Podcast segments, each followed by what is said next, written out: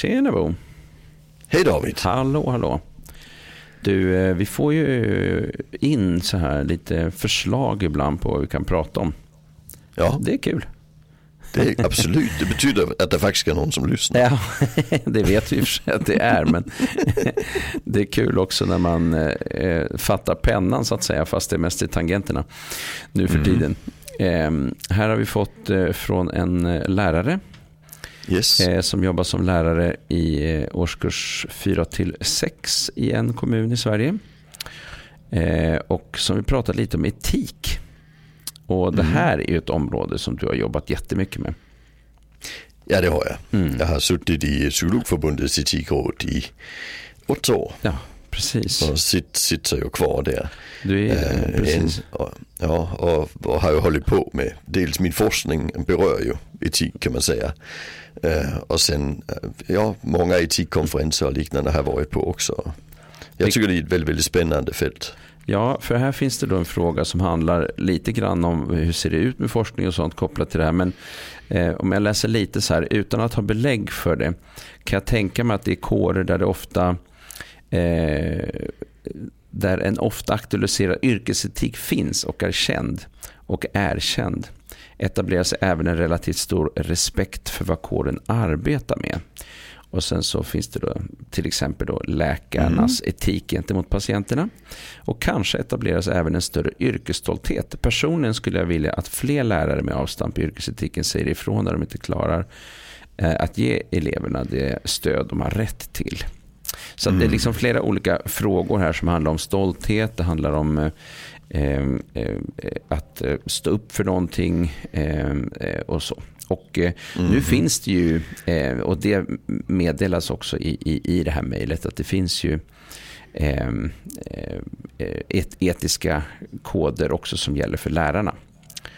Eh, så, hos Lärarnas riksförbund Ja. till exempel. Mm. Jag- jag Vi ska tycker- jag lite tycker- på den.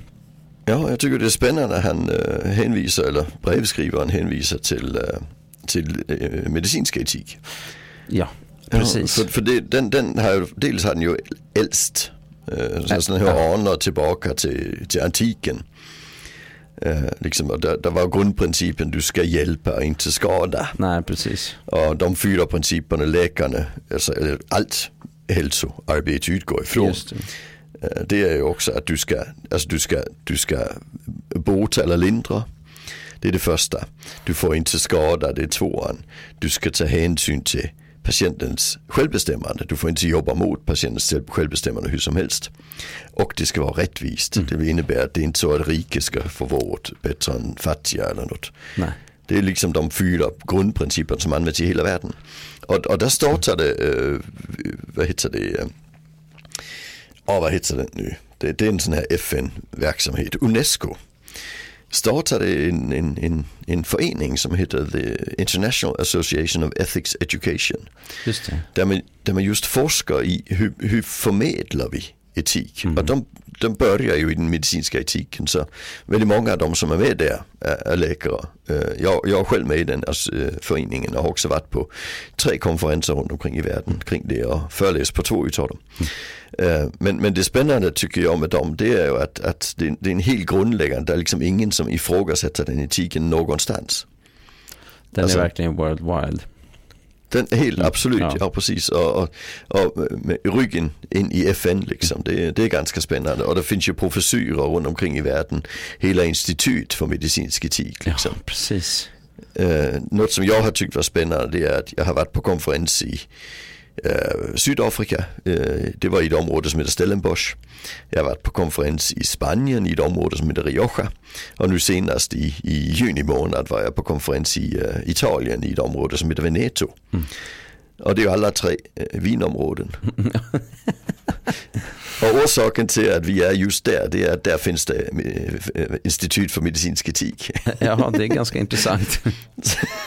Att det ligger just Det- så. det- lite fördomar blir, blir kanske eh, bekräftade med det. Nej, det har också varit en konferens i Indien och så. Det var en i Houston också som jag inte var på. Så, så, så det är inte bara så. Det är roligt. Ja. Eh, för det, det, är också intressant, för, för går man in på läkarnas eh, ja, sajter så ser man ju också att de har ju också specificerat inom en massa, massa, massa olika områden. Så att de där mm. fyra är liksom de grundläggande och sen går man in på olika områden eh, ja. utifrån det. Eh, ja, precis. Ja. Psykologförbundet eh, har ju också etiska principer som antogs mm. senast 98, men nu håller man på omvärdera och du har ju varit involverad i det arbetet. Ja, jag har faktiskt, var jag faktiskt den som tog initiativ till att vi skulle uppdatera våra etiska regler, eller etiska principer för nordiska psykologer heter de. Så vi har gjort ett arbete i de nordiska länderna eh, för, för just att få dem uppdaterade. Så vi kommer inte att göra en jätteändring. Men vi kommer att göra så att, att, att de är lite tidsenliga i språket mm. och det var lite grann med hur man accepterar, eh, hur man handskas med tvångsvård och så som behövde uppdateras ur ett mänskligt rättighetsperspektiv också. Mm. Och där finns det lite skillnader också mellan länderna när det gäller just den biten och hur man förhåller sig då till, ja. till samhälls... Men nu, nu, har vi ju gemensamma regler för de nordiska länderna då, det är det som är ja. själva syftet. Men det var ju, vad jag förstår, inte helt lätt att få det där att, eh, att få igenom det där i alla länder på samma, med samma skrivningar från början. Nej, alltså vi kan ju säga att, att vi, de flesta psykologer jobbar inte med tvångsvård. Nej. Alltså, och när vi jobbar i tvångsvård då är vi ju inte en del av tvångsvården. Nej. Men i Norge är det faktiskt psykologer som, som bestämmer om tvångsvård. Mm. Så vi fick ju diskutera lite annorlunda med, med, med, med norrmännen. Mm. Alltså hur kan vi göra skrivningar som tillåter dem att ha det ansvaret. För de tycker det är bra att det är psykologer som har det ansvaret istället för bara läkare. Eh, och det kan man ju också ha etiska, alltså tänka att vi kanske kan göra bättre jobb med just att göra de bedömningarna. Just. Alltså, för vi kan ju mäta saker och ting på ett annat vis.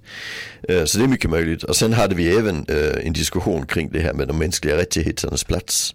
Där det var inte helt självklart för danskarna att vi skulle, att, att, att det var en, en, en logisk utgångspunkt, ska vi säga det så. Uh, men de kom, de kom runt till det allt eftersom. Och, och det handlar mer om... Då var det mer politiken som stod i vägen. Att man var ja, orolig för, för, precis, för det politiska. Att, att, ja, mänskliga rättigheter är en politisk fråga i Danmark. Mm. Och det kanske också det blir i Sverige eh, så småningom. Men det hade ju inte varit hittills. Det hade ju varit något vi var ganska överens om. Att det var det som var basen för samhället. Mm. Precis. Så är det. Men, men de psykologerna säger lite annorlunda. Det är också fyra principer. Jag tycker det är jätteroligt. De allra flesta har fyra principer. Mm, vi ska röra oss mot lärarna snart. Men eh, vi kör ja. här först. Uh, och psykologernas, där är den första principen, den handlar om att vi, vi har en respekten för patientens eller klientens rättigheter och värdighet. Och där har vi ju till exempel tystnadsplikt och samtycke och sådana här saker. Valfrihet och självbestämmande. Så det är autonomin i läkarna ska man säga. Sen har vi något som heter yrkesmässig kompetens som betyder att vi måste veta vad vi kan och vad vi inte kan så vi får inte jobba med metoder vi faktiskt inte kan. Just det. Eh, sen har vi en som heter ansvar som handlar om att vi har ansvar inte bara för vad klientens konsekvenser blir av det vi sysslar med. Men även vilka konsekvenser vi kan ha för klientens närstående och andra som blir det vi kallar det utvidgade klienter. Eh, och det handlar om, det, det är ju den principen att vi får inte skada som är i läkarna som vi har, som vi har formulerat på det viset. Just det. Och sen har vi den yrkesmässiga integritet, att vi ska, folk ska veta vad vi sysslar med, vi ska akta oss för att vi inte har rollkonflikter. Vi får inte, vi får inte ha förhållanden med patienter till exempel ligga där. Ja, precis. Så det är liksom psykologernas fyrdelning kan man säga. Ja. Och det intressanta är ju då att även lärarnas yrkesetik enligt då den, eh, det som står på LRs sida är ja, också det, fyrdelad. Det är också fyrdelat. Ja. Det, det så det är. Vi gillar fyra. Och det är lite ovanligt för att annars är det mm. nästan alltid tre eller sju eller tolv eller ja. andra sådana där saker. Ja, precis. är det fyra ja. som gäller. Ja, men det är bra. Och, och jag tycker de är bra lärarna. Ja, alltså, den första, det, framförallt en skrivning i den fjärde jag tycker är så enormt viktig och den är så klockren och bra. Så det gillar jag. Den första det är eleven är alltid i centrum. Mm. Uh, och, och där skriver man ju i de här lite utvidgade principer. Vi tar ansvar för kunskapen, kunskapstillväxten hos eleven, stödjer deras personliga utveckling och skapar goda betingelser för varje elevens lärande och utveckling och så vidare. Vi bemöter dem med respekt, vi diskriminerar inte stödjer elevernas rätt till inflytande. Så mycket av det som är autonomi mm. i, i, i de grundläggande fyra, de gamla fyra är lagt in där. Vid utvärdering ska vi vara sakliga och rättvisa, så där kommer rättvisa principen ja, in också. också ja. Och sen står det, och det tycker jag är jättefint, vi verkar för att upprätthålla förtroendefyllda relationer med eleven. Ja. Precis. Och med deras föräldravårdnadshavare och lyhörda för synpunkterna. Mm. Och sen såklart att man ska vara varsam med vad man släpper information vidare till. Det är den första. Mm. Den andra, den, den heter läraryrket och den professionella yrkesutövningen. Ja, precis. Ja. Mm. Och den handlar ju på att, alltså att, att en lärare är professionell. Så en lärare jobbar hela tiden på att bli bättre till det man är duktig på. Alltså lärare ska vara duktiga på. Ja, precis. Vi ansvar, mm. ja, vi ansvarar för det pedagogiska uppdraget och vi vill skapa de bästa förutsättningar. Vi jobbar utifrån en vetenskaplig kunskapsbas och ja, beprövade pedagogiska metoder, aktuell forskning. Man måste utveckla sin kompetens. Och sen tycker jag det är roligt, alltså jag tycker de är jättefina de här lärarna. Mm. För här lägger de också in kollegialiteten. Ja. Det är en del av etiken att vi också visar god kollegialitet. Men det får inte skada eller underlåten alltså i förhållande till eleverna. Mm, nej, just det, precis. Vilket då beskriver att lärare faktiskt också måste ingripa om en kollega uppträder kränkande mot en elev. Ja. Eller motverkar en elevs rättigheter. Mm. Och det är ju jätteviktigt. Va? Och, uh, ja. Alltså stå, stå, upp för eleven egentligen. Och särskilt om man ser att det finns någon som eh, inte följer eh, de etiska riktlinjerna. Ja, mm. och där kan jag tycka när, när, vi, när vi ser psykologernas och läkarnas så, så är det, det är liksom fyra principer som ska täcka fyra områden. Mm. Men, men i lärarnas, där är den här första principen, eleven i centrum, den är liksom övergripande. Ja, den eh, går, igen över, går igenom överallt. Ja, alltså det, det, de andra, de, de, de, den speglas i de andra, det är fina. Mm. Det är fint tycker jag. Tredje, den handlar om att där vi har ansvar att upprätthålla, lärarna har ansvar att upprätthålla lärarnas yrkesetik. Det mm. betyder alltså att man måste hålla dem levande genom att diskutera och bearbeta yrkesetiska ställningstaganden i arbetet och ta upp de konflikter av etisk innebörd som uppstår. Och att man liksom, så det handlar egentligen om alltså, att vi lärare ska, måste diskutera detta. Och det är ju egentligen det som mailskrivaren efterfrågar. Ja, precis. Att det, att det hålls levande och, och eh, finns en ständigt återkommande diskussion. Ja. Om var olika gränser och olika ställningstaganden ja. ligger, hur man ska tänka kring det. Det tycker jag är jättefint. Det skulle jag vilja ha i psykologernas, att det var en del av etiken att, att vi måste hålla etiken levande. Ja, just det, precis. I psykologernas, där står det bara i förordet, är, är du psykolog så är det detta som gäller. Liksom. Ja. Men de är också lite äldre, alltså lärarna är så nya, som, alltså, folk har tänkt till. Ja men verkligen. Det, det tycker jag är jättefint. Och också sånt där som påtalar fel, kommer med konstruktiv kritik. Mm. Och i yttersta, eh, yttersta fall genom aktivt handlande ingripa mot sånt som strider mot den människo och kunskapssyn som lärares yrkesintik vilar på. Så här är det ju verkligen ja, det tillbaka till, eh, till eh, eleven i centrum och, ja. Och så. Ja. Och det blir ännu tydligast i den sista. Mm. I, den, den heter lärarens samhällsuppdrag och, och den säger då att läraren har ett viktigt uppdrag i samhället att ansvara för kommande generationers grundläggande utbildning och fostran. Mm. Detta uppdrag formuleras i skolans styrdokument såsom läroplaner och lagar.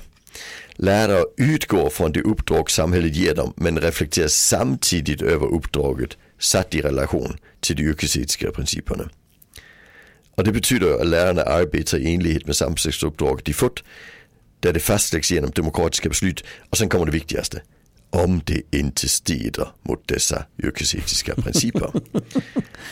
det är jätteintressant alltså. Så, alltså om eleven inte är i centrum i mm. det staten ber dig göra, då får du strunta i det. Ja, Precis. Om staten skulle säga någonting annat så Ja. måste du ändå stå upp för de här sakerna. Ja, och där kan vi säga att den orsaken till att vi, jag tyckte det behövdes en ändring i psykologernas, det var att det var en precis motsatt skrivning i, Mm, ja. de, i de som gäller nu. Vad var Där det? det faktiskt, ja men där stod att, att eh, där stod ju att psykologer eh, har ju alltid klienten i centrum och så Mm. vidare, det är helt klart. Men om staten säger att vi ska göra annorlunda, då ska vi göra det. Mm. Det står i princip. Alltså, och, och, och, och där ska vi ju veta att psykologer har haft en jätteskandal i USA under Bush, eh, W, Bush-regeringen. Ja, Eh, där psykologföreningarna faktiskt gick in och, och hjälpte till att utveckla metoder för tortyr. Eh, I hemlighet. väldigt allvarligt. Väldigt, väldigt allvarligt och ändrade sina yrkesetiska principer så det var plats för att medverka till tortyr. Och det här, det här var ju en enorm skandal. Det Och där kom en, en jättespännande artikel för några år sedan som gick igenom detta i detalj. Liksom, vad var det som hände? Hur ska vi förhålla oss till det? Vad, vad var det för, man, man pratar om ett slippery slope. Alltså att vi accepterar mer och mer. Vad var det som gjorde att vi accepterade mer och mer så mycket så vi ä- till och med ändrade i de etiska principerna. Så vi tillät det. Eh, Och därför tyckte jag det var jätteviktigt att just de, den paragrafen får inte finnas i våra psykologers etiska regler. Och den finns ju inte i läkarnas, den alltså, finns ju precis det motsatta i lärarnas. Ja, och eh, det här är ju oerhört eh, eh, viktigt och, och jag tänker att den här levande dialogen och att man verkligen fastslår etiska principer i, inom en profession. Hur viktigt det är också när man har en, en, en rörelse i samhället som, eh, som ha- handlar om att eh, ibland kanske just göra inskränkningar på det området. Då, som, som det här exemplet i, i USA till exempel. Men också som du beskrev från Danmark. Eh, och eh, där vet vi inte riktigt var vi landar heller i, i, i Sverige. Men man behöver alltid vara lite eh, noggrann om man vill ha en, en, en hög humanistisk fana kan man väl säga. Och det Ja, gäller ju i precis. de här människonära yrkena i högsta grad. Ja. Eh, vård, skola, precis. omsorg. Eh, så. Mm. Ja, och i Danmark har vi en väldigt speciell situation för, alltså, det- vi ska kanske säga så här, i, i Sverige där är det så att om lärarna bry, läkarna bryter mot de etiska principerna, då är det ju HSAN och IVO och de här som Ja. tittar på det. Eh, och, och det är ju mycket en juridisk bedömning. Ja. Eh, ja, lär, lärarna har en, ett etiskt råd också. Men, men det ska främst alltså, öka den etiska medvetenheten och främja etisk diskussion. Ja.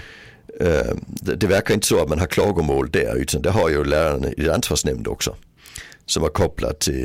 eh, eh, ja, och till- till, Skolinspektionen kikar ju på de här frågorna också. ja, och, de är, det är kopplat till legitimationen. Mm, precis. Eh, och där har psykologerna, vi har ju dels då IVO och HSAN som, som läkarna också, men vi har också en egen klagomöjlighet. Att man kan faktiskt klaga över psykologers arbete på det etiska, inte bara på det juridiska. Nej. Eh, och det gör man ju då till Psykologförbundets etikråd, så jag är ju med att hantera de här klagomålen. Just det. Och det vi gör det är att vi, vi, vi ska främja en, en diskussion kring det. Så vi pratar med psykologen som är påklagad och, och, och får dem att reflektera kring vad som har hänt. Men då har man i Danmark valt att göra så att de legitimerade psykologerna, där, där är en statlig myndighet som är psykolognämnden. Men konstigt nog är det psykologförbundet som godkänner de här principerna som psykolognämnden som en statlig myndighet ska jobba efter. Det är lite märkligt. Just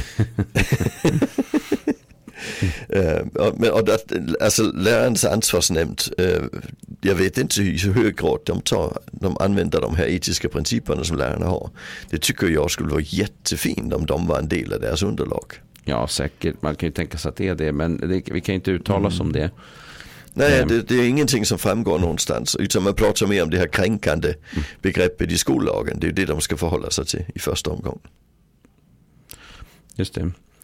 Ehm, du som ändå då har varit runt för det som kom upp i den här brevskrivarens eh, önskemål lite grann. Det är ju det här, vad finns det för forskning kring det? Jag funderade lite kring den här frågan om är det de etiska reglerna som får en arbetsgrupp eller en, professionsgrupp att känna sig, eh, kan det öka stoltheten i, en, i, i, i liksom, inom professionen? Eh, ja. Och jag tror att tar man bort de etiska principerna då, då är det ju riktigt fara och färde. Sen är ju frågan om, om, om det nu finns en skillnad enligt den här brevskrivaren, finns en skillnad på till exempel då eh, stolthetsfrågan eh, för kanske då läkare kontra lärare så undrar jag om det handlar mm. om de etiska principerna så mycket som det handlar om andra saker i samhället egentligen. Ja, alltså jag, jag tycker det är spännande att alltså när man inom en, en yrkeskår bygger en egen etik. Det, det handlar ju om att vi, jag skulle säga, vi får ibland folk som skriver till psykologernas etikråd. Där de säger att psykologer håller ju varandra med ryggen. Mm. Men alltså, när, när vi definierar en, en sån här e-, etisk ja, ramverk. Ja, där, gör vi ju, där gör vi ju verkligen inte det. Vi, vi, vi hjälper ju varandra att hålla ramarna. Och, och det tänker jag läkarna, ja. i och med att de har en två och ett halvt tusen år gammal etik egentligen. Där tror jag det har varit en väldigt kraftfull del av deras ja, yrkesidentitet både inom sig och, och även i, i förhållande till resten av samhället. Mm. Sen tror jag det tar, det är ingenting man gör snabbt. Alltså det tog ju läkarna två och ett halvt tusen år eller något. Precis.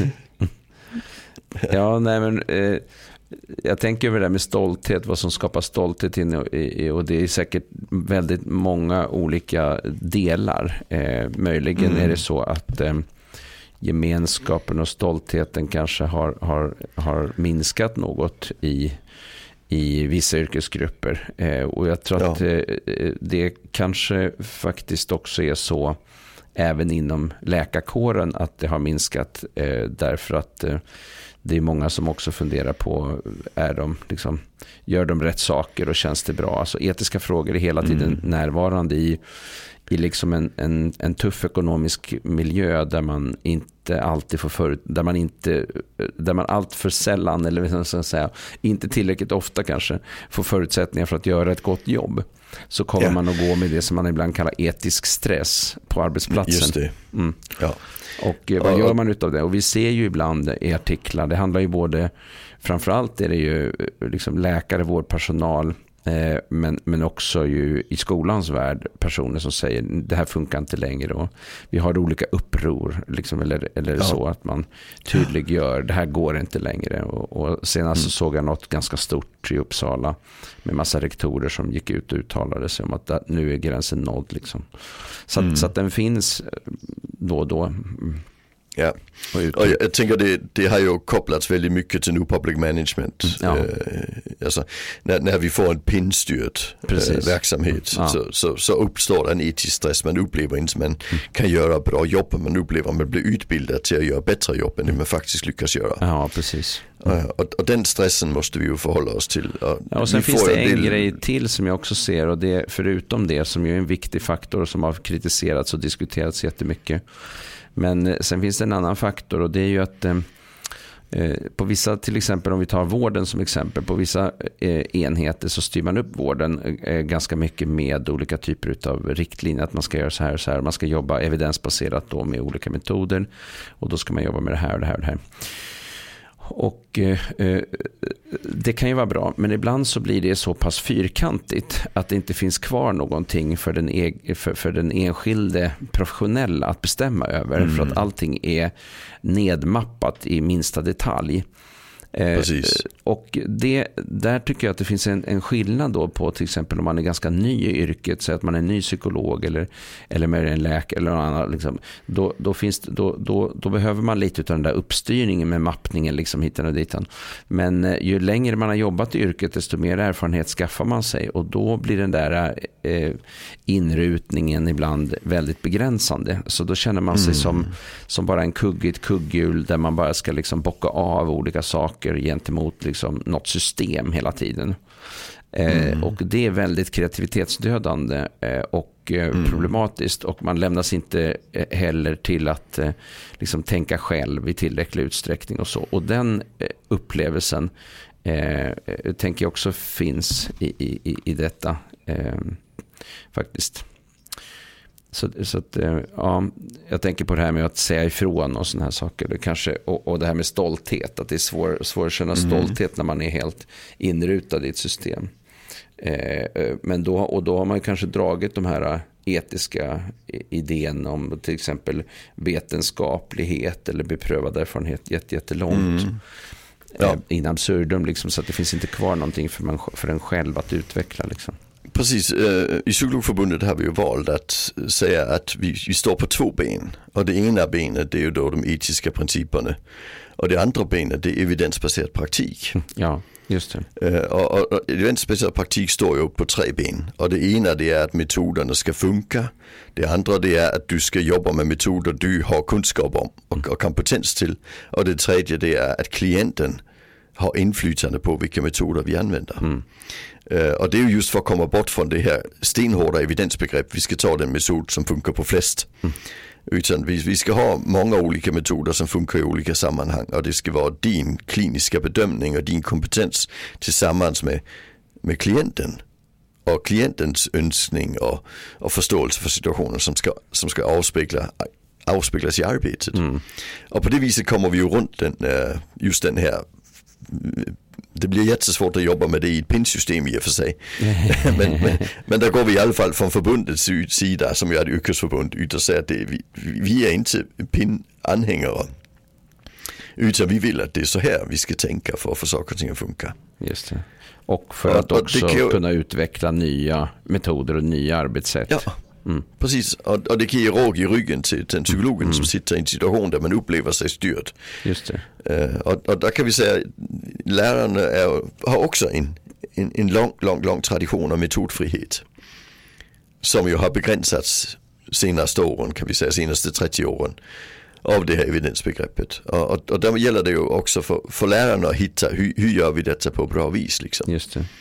Så vi får en, en frihet att bestämma hur vi jobbar. Mm. Jag tycker det är lite spännande att det, det är ju ett, det är en önskan om mer lär, lärobokssystem, alltså vad heter det, läromedelssystem. Ja just det, precis, läromedel. Ja. Äh, för man upplever att det har prioriterats bort. Mm. Äh, men läromedel är också en styrning. Så, så i så fall tycker jag vi behöver lite olika läromedel. Så att den enskilda ja, läraren också kan välja rätt det. Jag brukar säga är ju att lärarna ska välja, inte att det är någon som sitter centralt i, mm. i, i, Stockholm på Skolverket och säger vilka, exakt vilka böcker som ska användas. Och det kommer ju tillbaka till egentligen frågan om, om eh, att, att det är den professionella som också måste liksom tänka ut vad som blir, vad som blir bra. Sen ja, gör precis. man ju ofta det eh, på en skola. Det kan ju vara centrala beslut som, som görs medan vi har poddat här så har jag smsat med Therese Österholm. Ja. hon, hon håller på att skriva en bok om, om, om etik för lärare. Ja. Uh, och, och, och, hon säger att hon går igenom de här lärarnas uh, etiska principer när hon gör kurser för lärare. Mm. Och där upplever hon att de allra flesta har inte koll på att de finns. Nej, och det är ju intressant. Uh, för det är ju en viktig ja. fråga. Men däremot säger hon att alla blir glada när de läser dem. Ja. För de är, är ju så fint formulerade. Ja, precis. Ja. ja. och vi ska nämna att Therese Österholm är en kollega till oss, en psykolog. Ja, som, men, men som också jobbar mycket med etik i, i skolan. Hon är skolpsykolog. Precis, ja. Mm. ja, det där är spännande. För jag tror att det där är en väldigt, väldigt viktig fråga. Eh, just det här att det i kåren finns en bred förtrogenhet med eh, de yrkesetiska principerna. Mm. Det, det, är ju en viktig sammanhållande, kom, liksom, eh, en sammanhållande mm. faktor helt enkelt. Ja, och där gäller det ju att, att alltså för psykologer har ju en, en kurs i sin utbildning mm. om etik och juridik och där kommer, blir man ju introducerad för dem innan man kommer ut i praktik. Och sen är det ju en bärande del av alla specialistutbildningarna också. Ja. Så, så, så vi har ju på något vis säkrat att, att alla vet vad det handlar om. Just det. Sen kan man fortfarande göra fel, men det var det. Ja. Eh, men, men det kanske är något som, som lärarutbildningarna borde satsa lite mer på om de flesta lärare inte vet att de finns. Nej, just det, precis. Mm. Men de finns på Lärarens riksförbunds hemsida. Ja, de det det. Sök på yrkesetik, det är viktigt. Det är jätteviktigt. Mm. Jag måste bara lägga till en liten kul grej som jag såg på på Sveriges läkarförbunds hemsida då när, de, när man skriver om sina etiska regler som är så fina och som har 2500 år bakom sig alltihopa. Eh, och eh, det första, eh, de, de, går ju sen igenom en massa olika eh, olika områden. Och det första som står då det är begreppet dödshjälp. Det tycker jag är så roligt för det går emot allting. Men det, det, är ju, alltså, det, är ju det är därför läkarna har en 2500 år gammal etik. Ja. Det är för att de sysslar med liv och död. Ja, precis så. Alltså det, det, var, det, och det, alltså de frågor som kommer upp i deras diskussioner är ju så jäkla tyngre än, ah. än de frågor som kommer upp i våra. Ja, det är ju både kring lärare och psykologer. Det är, ju, det är tunga ja. frågor helt enkelt. Det är det och, och alltså, lä läkarna är intresserade i de här äh, gränsytorna. Alltså mm. Alltså där etiken, där etiken blir väldigt stora dilemman. Just det. Och, det är ju sådana som dödshjälp och abort hade det varit diskussioner ja, i stora precis. delar av världen kring också. Mm. Alltså, så liv och död någonstans där, man måste förhålla sig till. Just det. Uh, alltså, det, det, det, så det är klart, och det, därför kan man ju tycka det är lite futsigt med, med vi andra. men, men jag tycker... Det är alltså, viktigt också. Ja, och sen tänker jag så här att, att läkarnas etik kanske inte påverkar dig mer än ganska sällsynt i ditt liv. Mm. Men lärarnas etik den påverkar dig i hela din barndom. Mm, ja, verkligen. Den är ju... Så, Precis. Ja, så, så kanske lite kraft i påverkan. Men, men väldigt, väldigt mycket av det. Alltså jag tror Medan att det är väldigt kraftfull kraft. påverkan eftersom det är under så lång tid. Ehm. Jo, men det är lite det jag menar. Ja, alltså, du kan antingen säga eh, mycket påverkan vid ett tillfälle eller ja. lite påverkan ja, över precis. lång tid. Mm, ja. Eh, så, så det är minst lika viktigt. Mm. Precis, så här är intressant för, för om man kikar då på den här äh, dödshjälpsfrågan som ju är en stor fråga som vi ju har, det är en, en ständig diskussion så att säga i vårt samhälle. Vi har, vart, vart ska vi landa i framtiden så att säga. Men mm. eh, när Läkarförbundet eh, 2021 gjorde en enkät till, eh, till 6800 medlemmar så var det ungefär hälften svarade. Och då var det ehm, eh, lite, lite väldigt splittring i frågan kan man säga. Fyra av tio av de som besvarat enkäten är positiva till legalisering av dödshjälp. En tredjedel är negativa och en fjärdedel har valt svarsalternativet jag vet inte.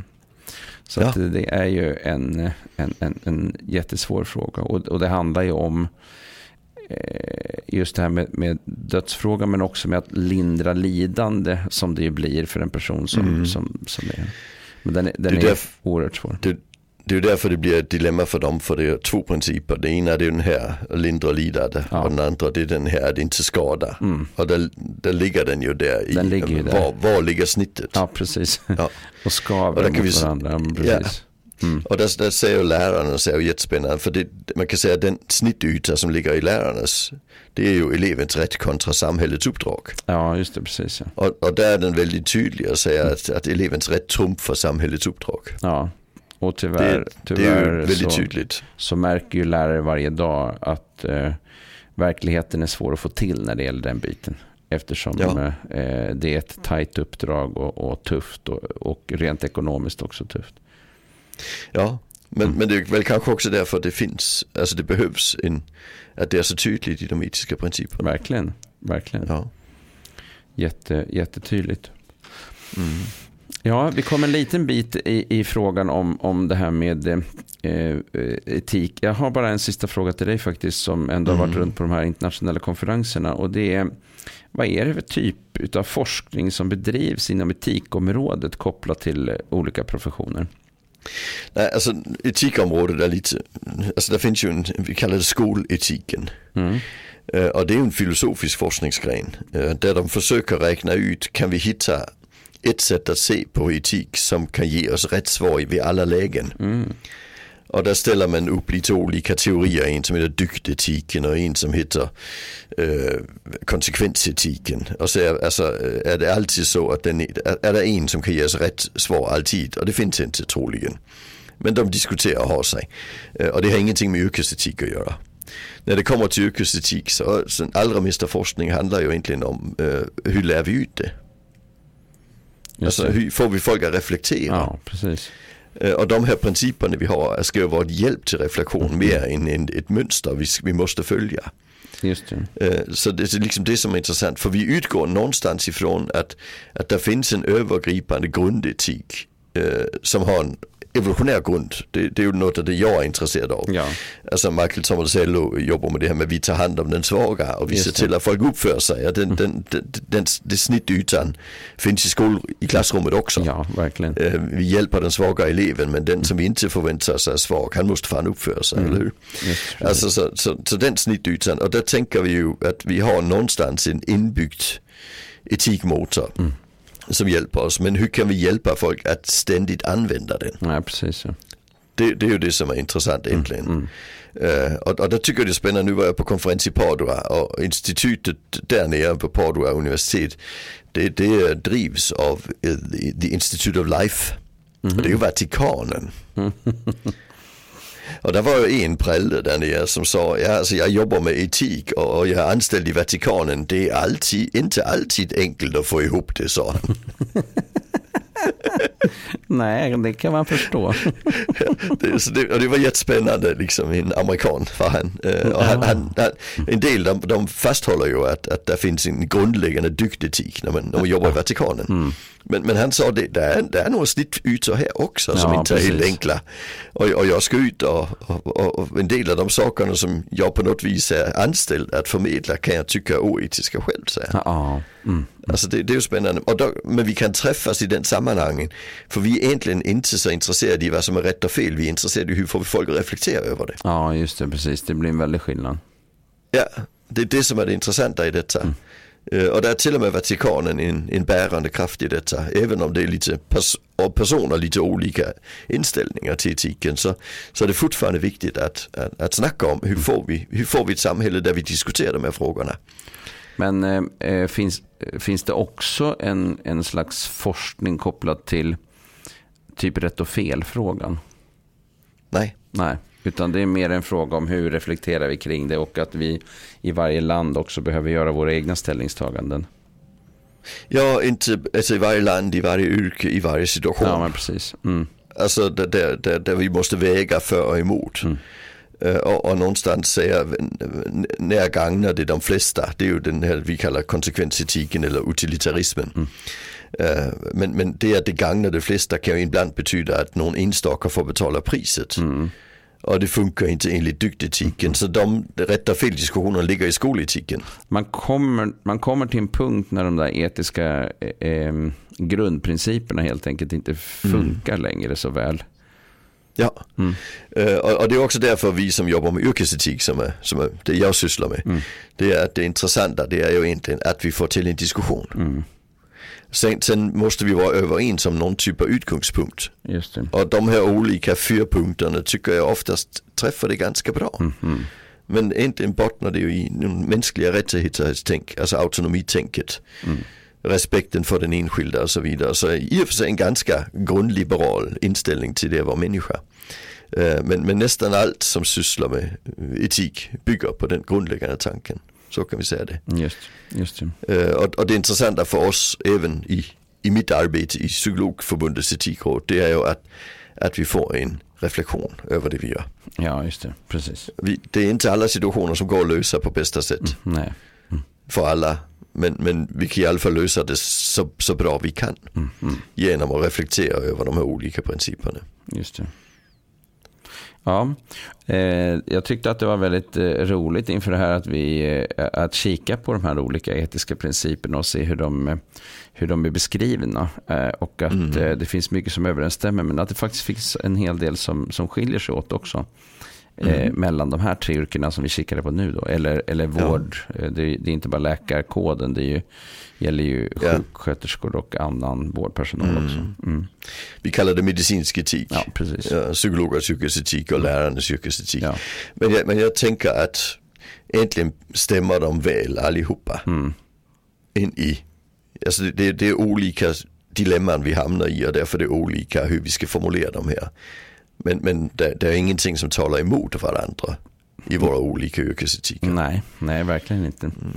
Jag tyckte också att det var spännande att eh, det här är ju en fråga som inte har ett final lösning utan att det är just det faktum att vi ständigt behöver diskutera dem som faktiskt är, är en del av att vara människa. Vi kan inte komma ifrån Precis. det faktum att vi ständigt måste jobba med de här frågorna och, och försöka hitta eh, ingångar till hur vi ska, till hur vi ska eh, tänka kring en massa olika situationer som uppstår i vardagen. Ja, precis. Mm, ja. Så är det. Mm. Och jag, jag är bara jätteglad att inte jag ska ta ställning till dödshjälp. Ja, det tycker jag är en jättesvår fråga, verkligen. Ja, så, ja. så, vi har valt ett yrke där vi slipper den diskussionen i alla fall. Ja, det är vi får väl se. Den kan ju komma upp på, som, en, som en, en fråga som, som blir högre upp. Alltså att det blir ett politiskt politisk beslut på det till slut. Ja, precis. Och då ja. Eh, sitter det människor i, i, i riksdagen och ska göra ett, en lagändring. Och, eh, ja. Den, det är ett den, stort ansvar. Den kommer nog att bli väldigt speciell, ja, precis. Ja. Om, den, om den kommer upp som en fråga. Ja. Mm. En del menar att den kommer att komma upp eh, jo, en, en det gör den dag. Mm. Ja. Men däremot så blir det inte du och jag som ska ta de enskilda besluten i vardagen. Nej, men eh, mm. vi, lär hamna, vi, vi, lär hamna i den här ständiga frågan om, om hur man ska se på just den här. Eh, ja. det, det, den, den, kommer ingen undan. Det, det, är egentligen samma som en massa mm. frågor vi har, etiska frågor vi har i vårt samhälle som vi ja. ständigt måste eh, brottas med. Mm. Ja. Ja, men det. Eh, vi rundar av för idag helt enkelt. Yeah. Ja, tack för tack idag. Tack för idag David. Tack, tack. Hej, hej. Hej.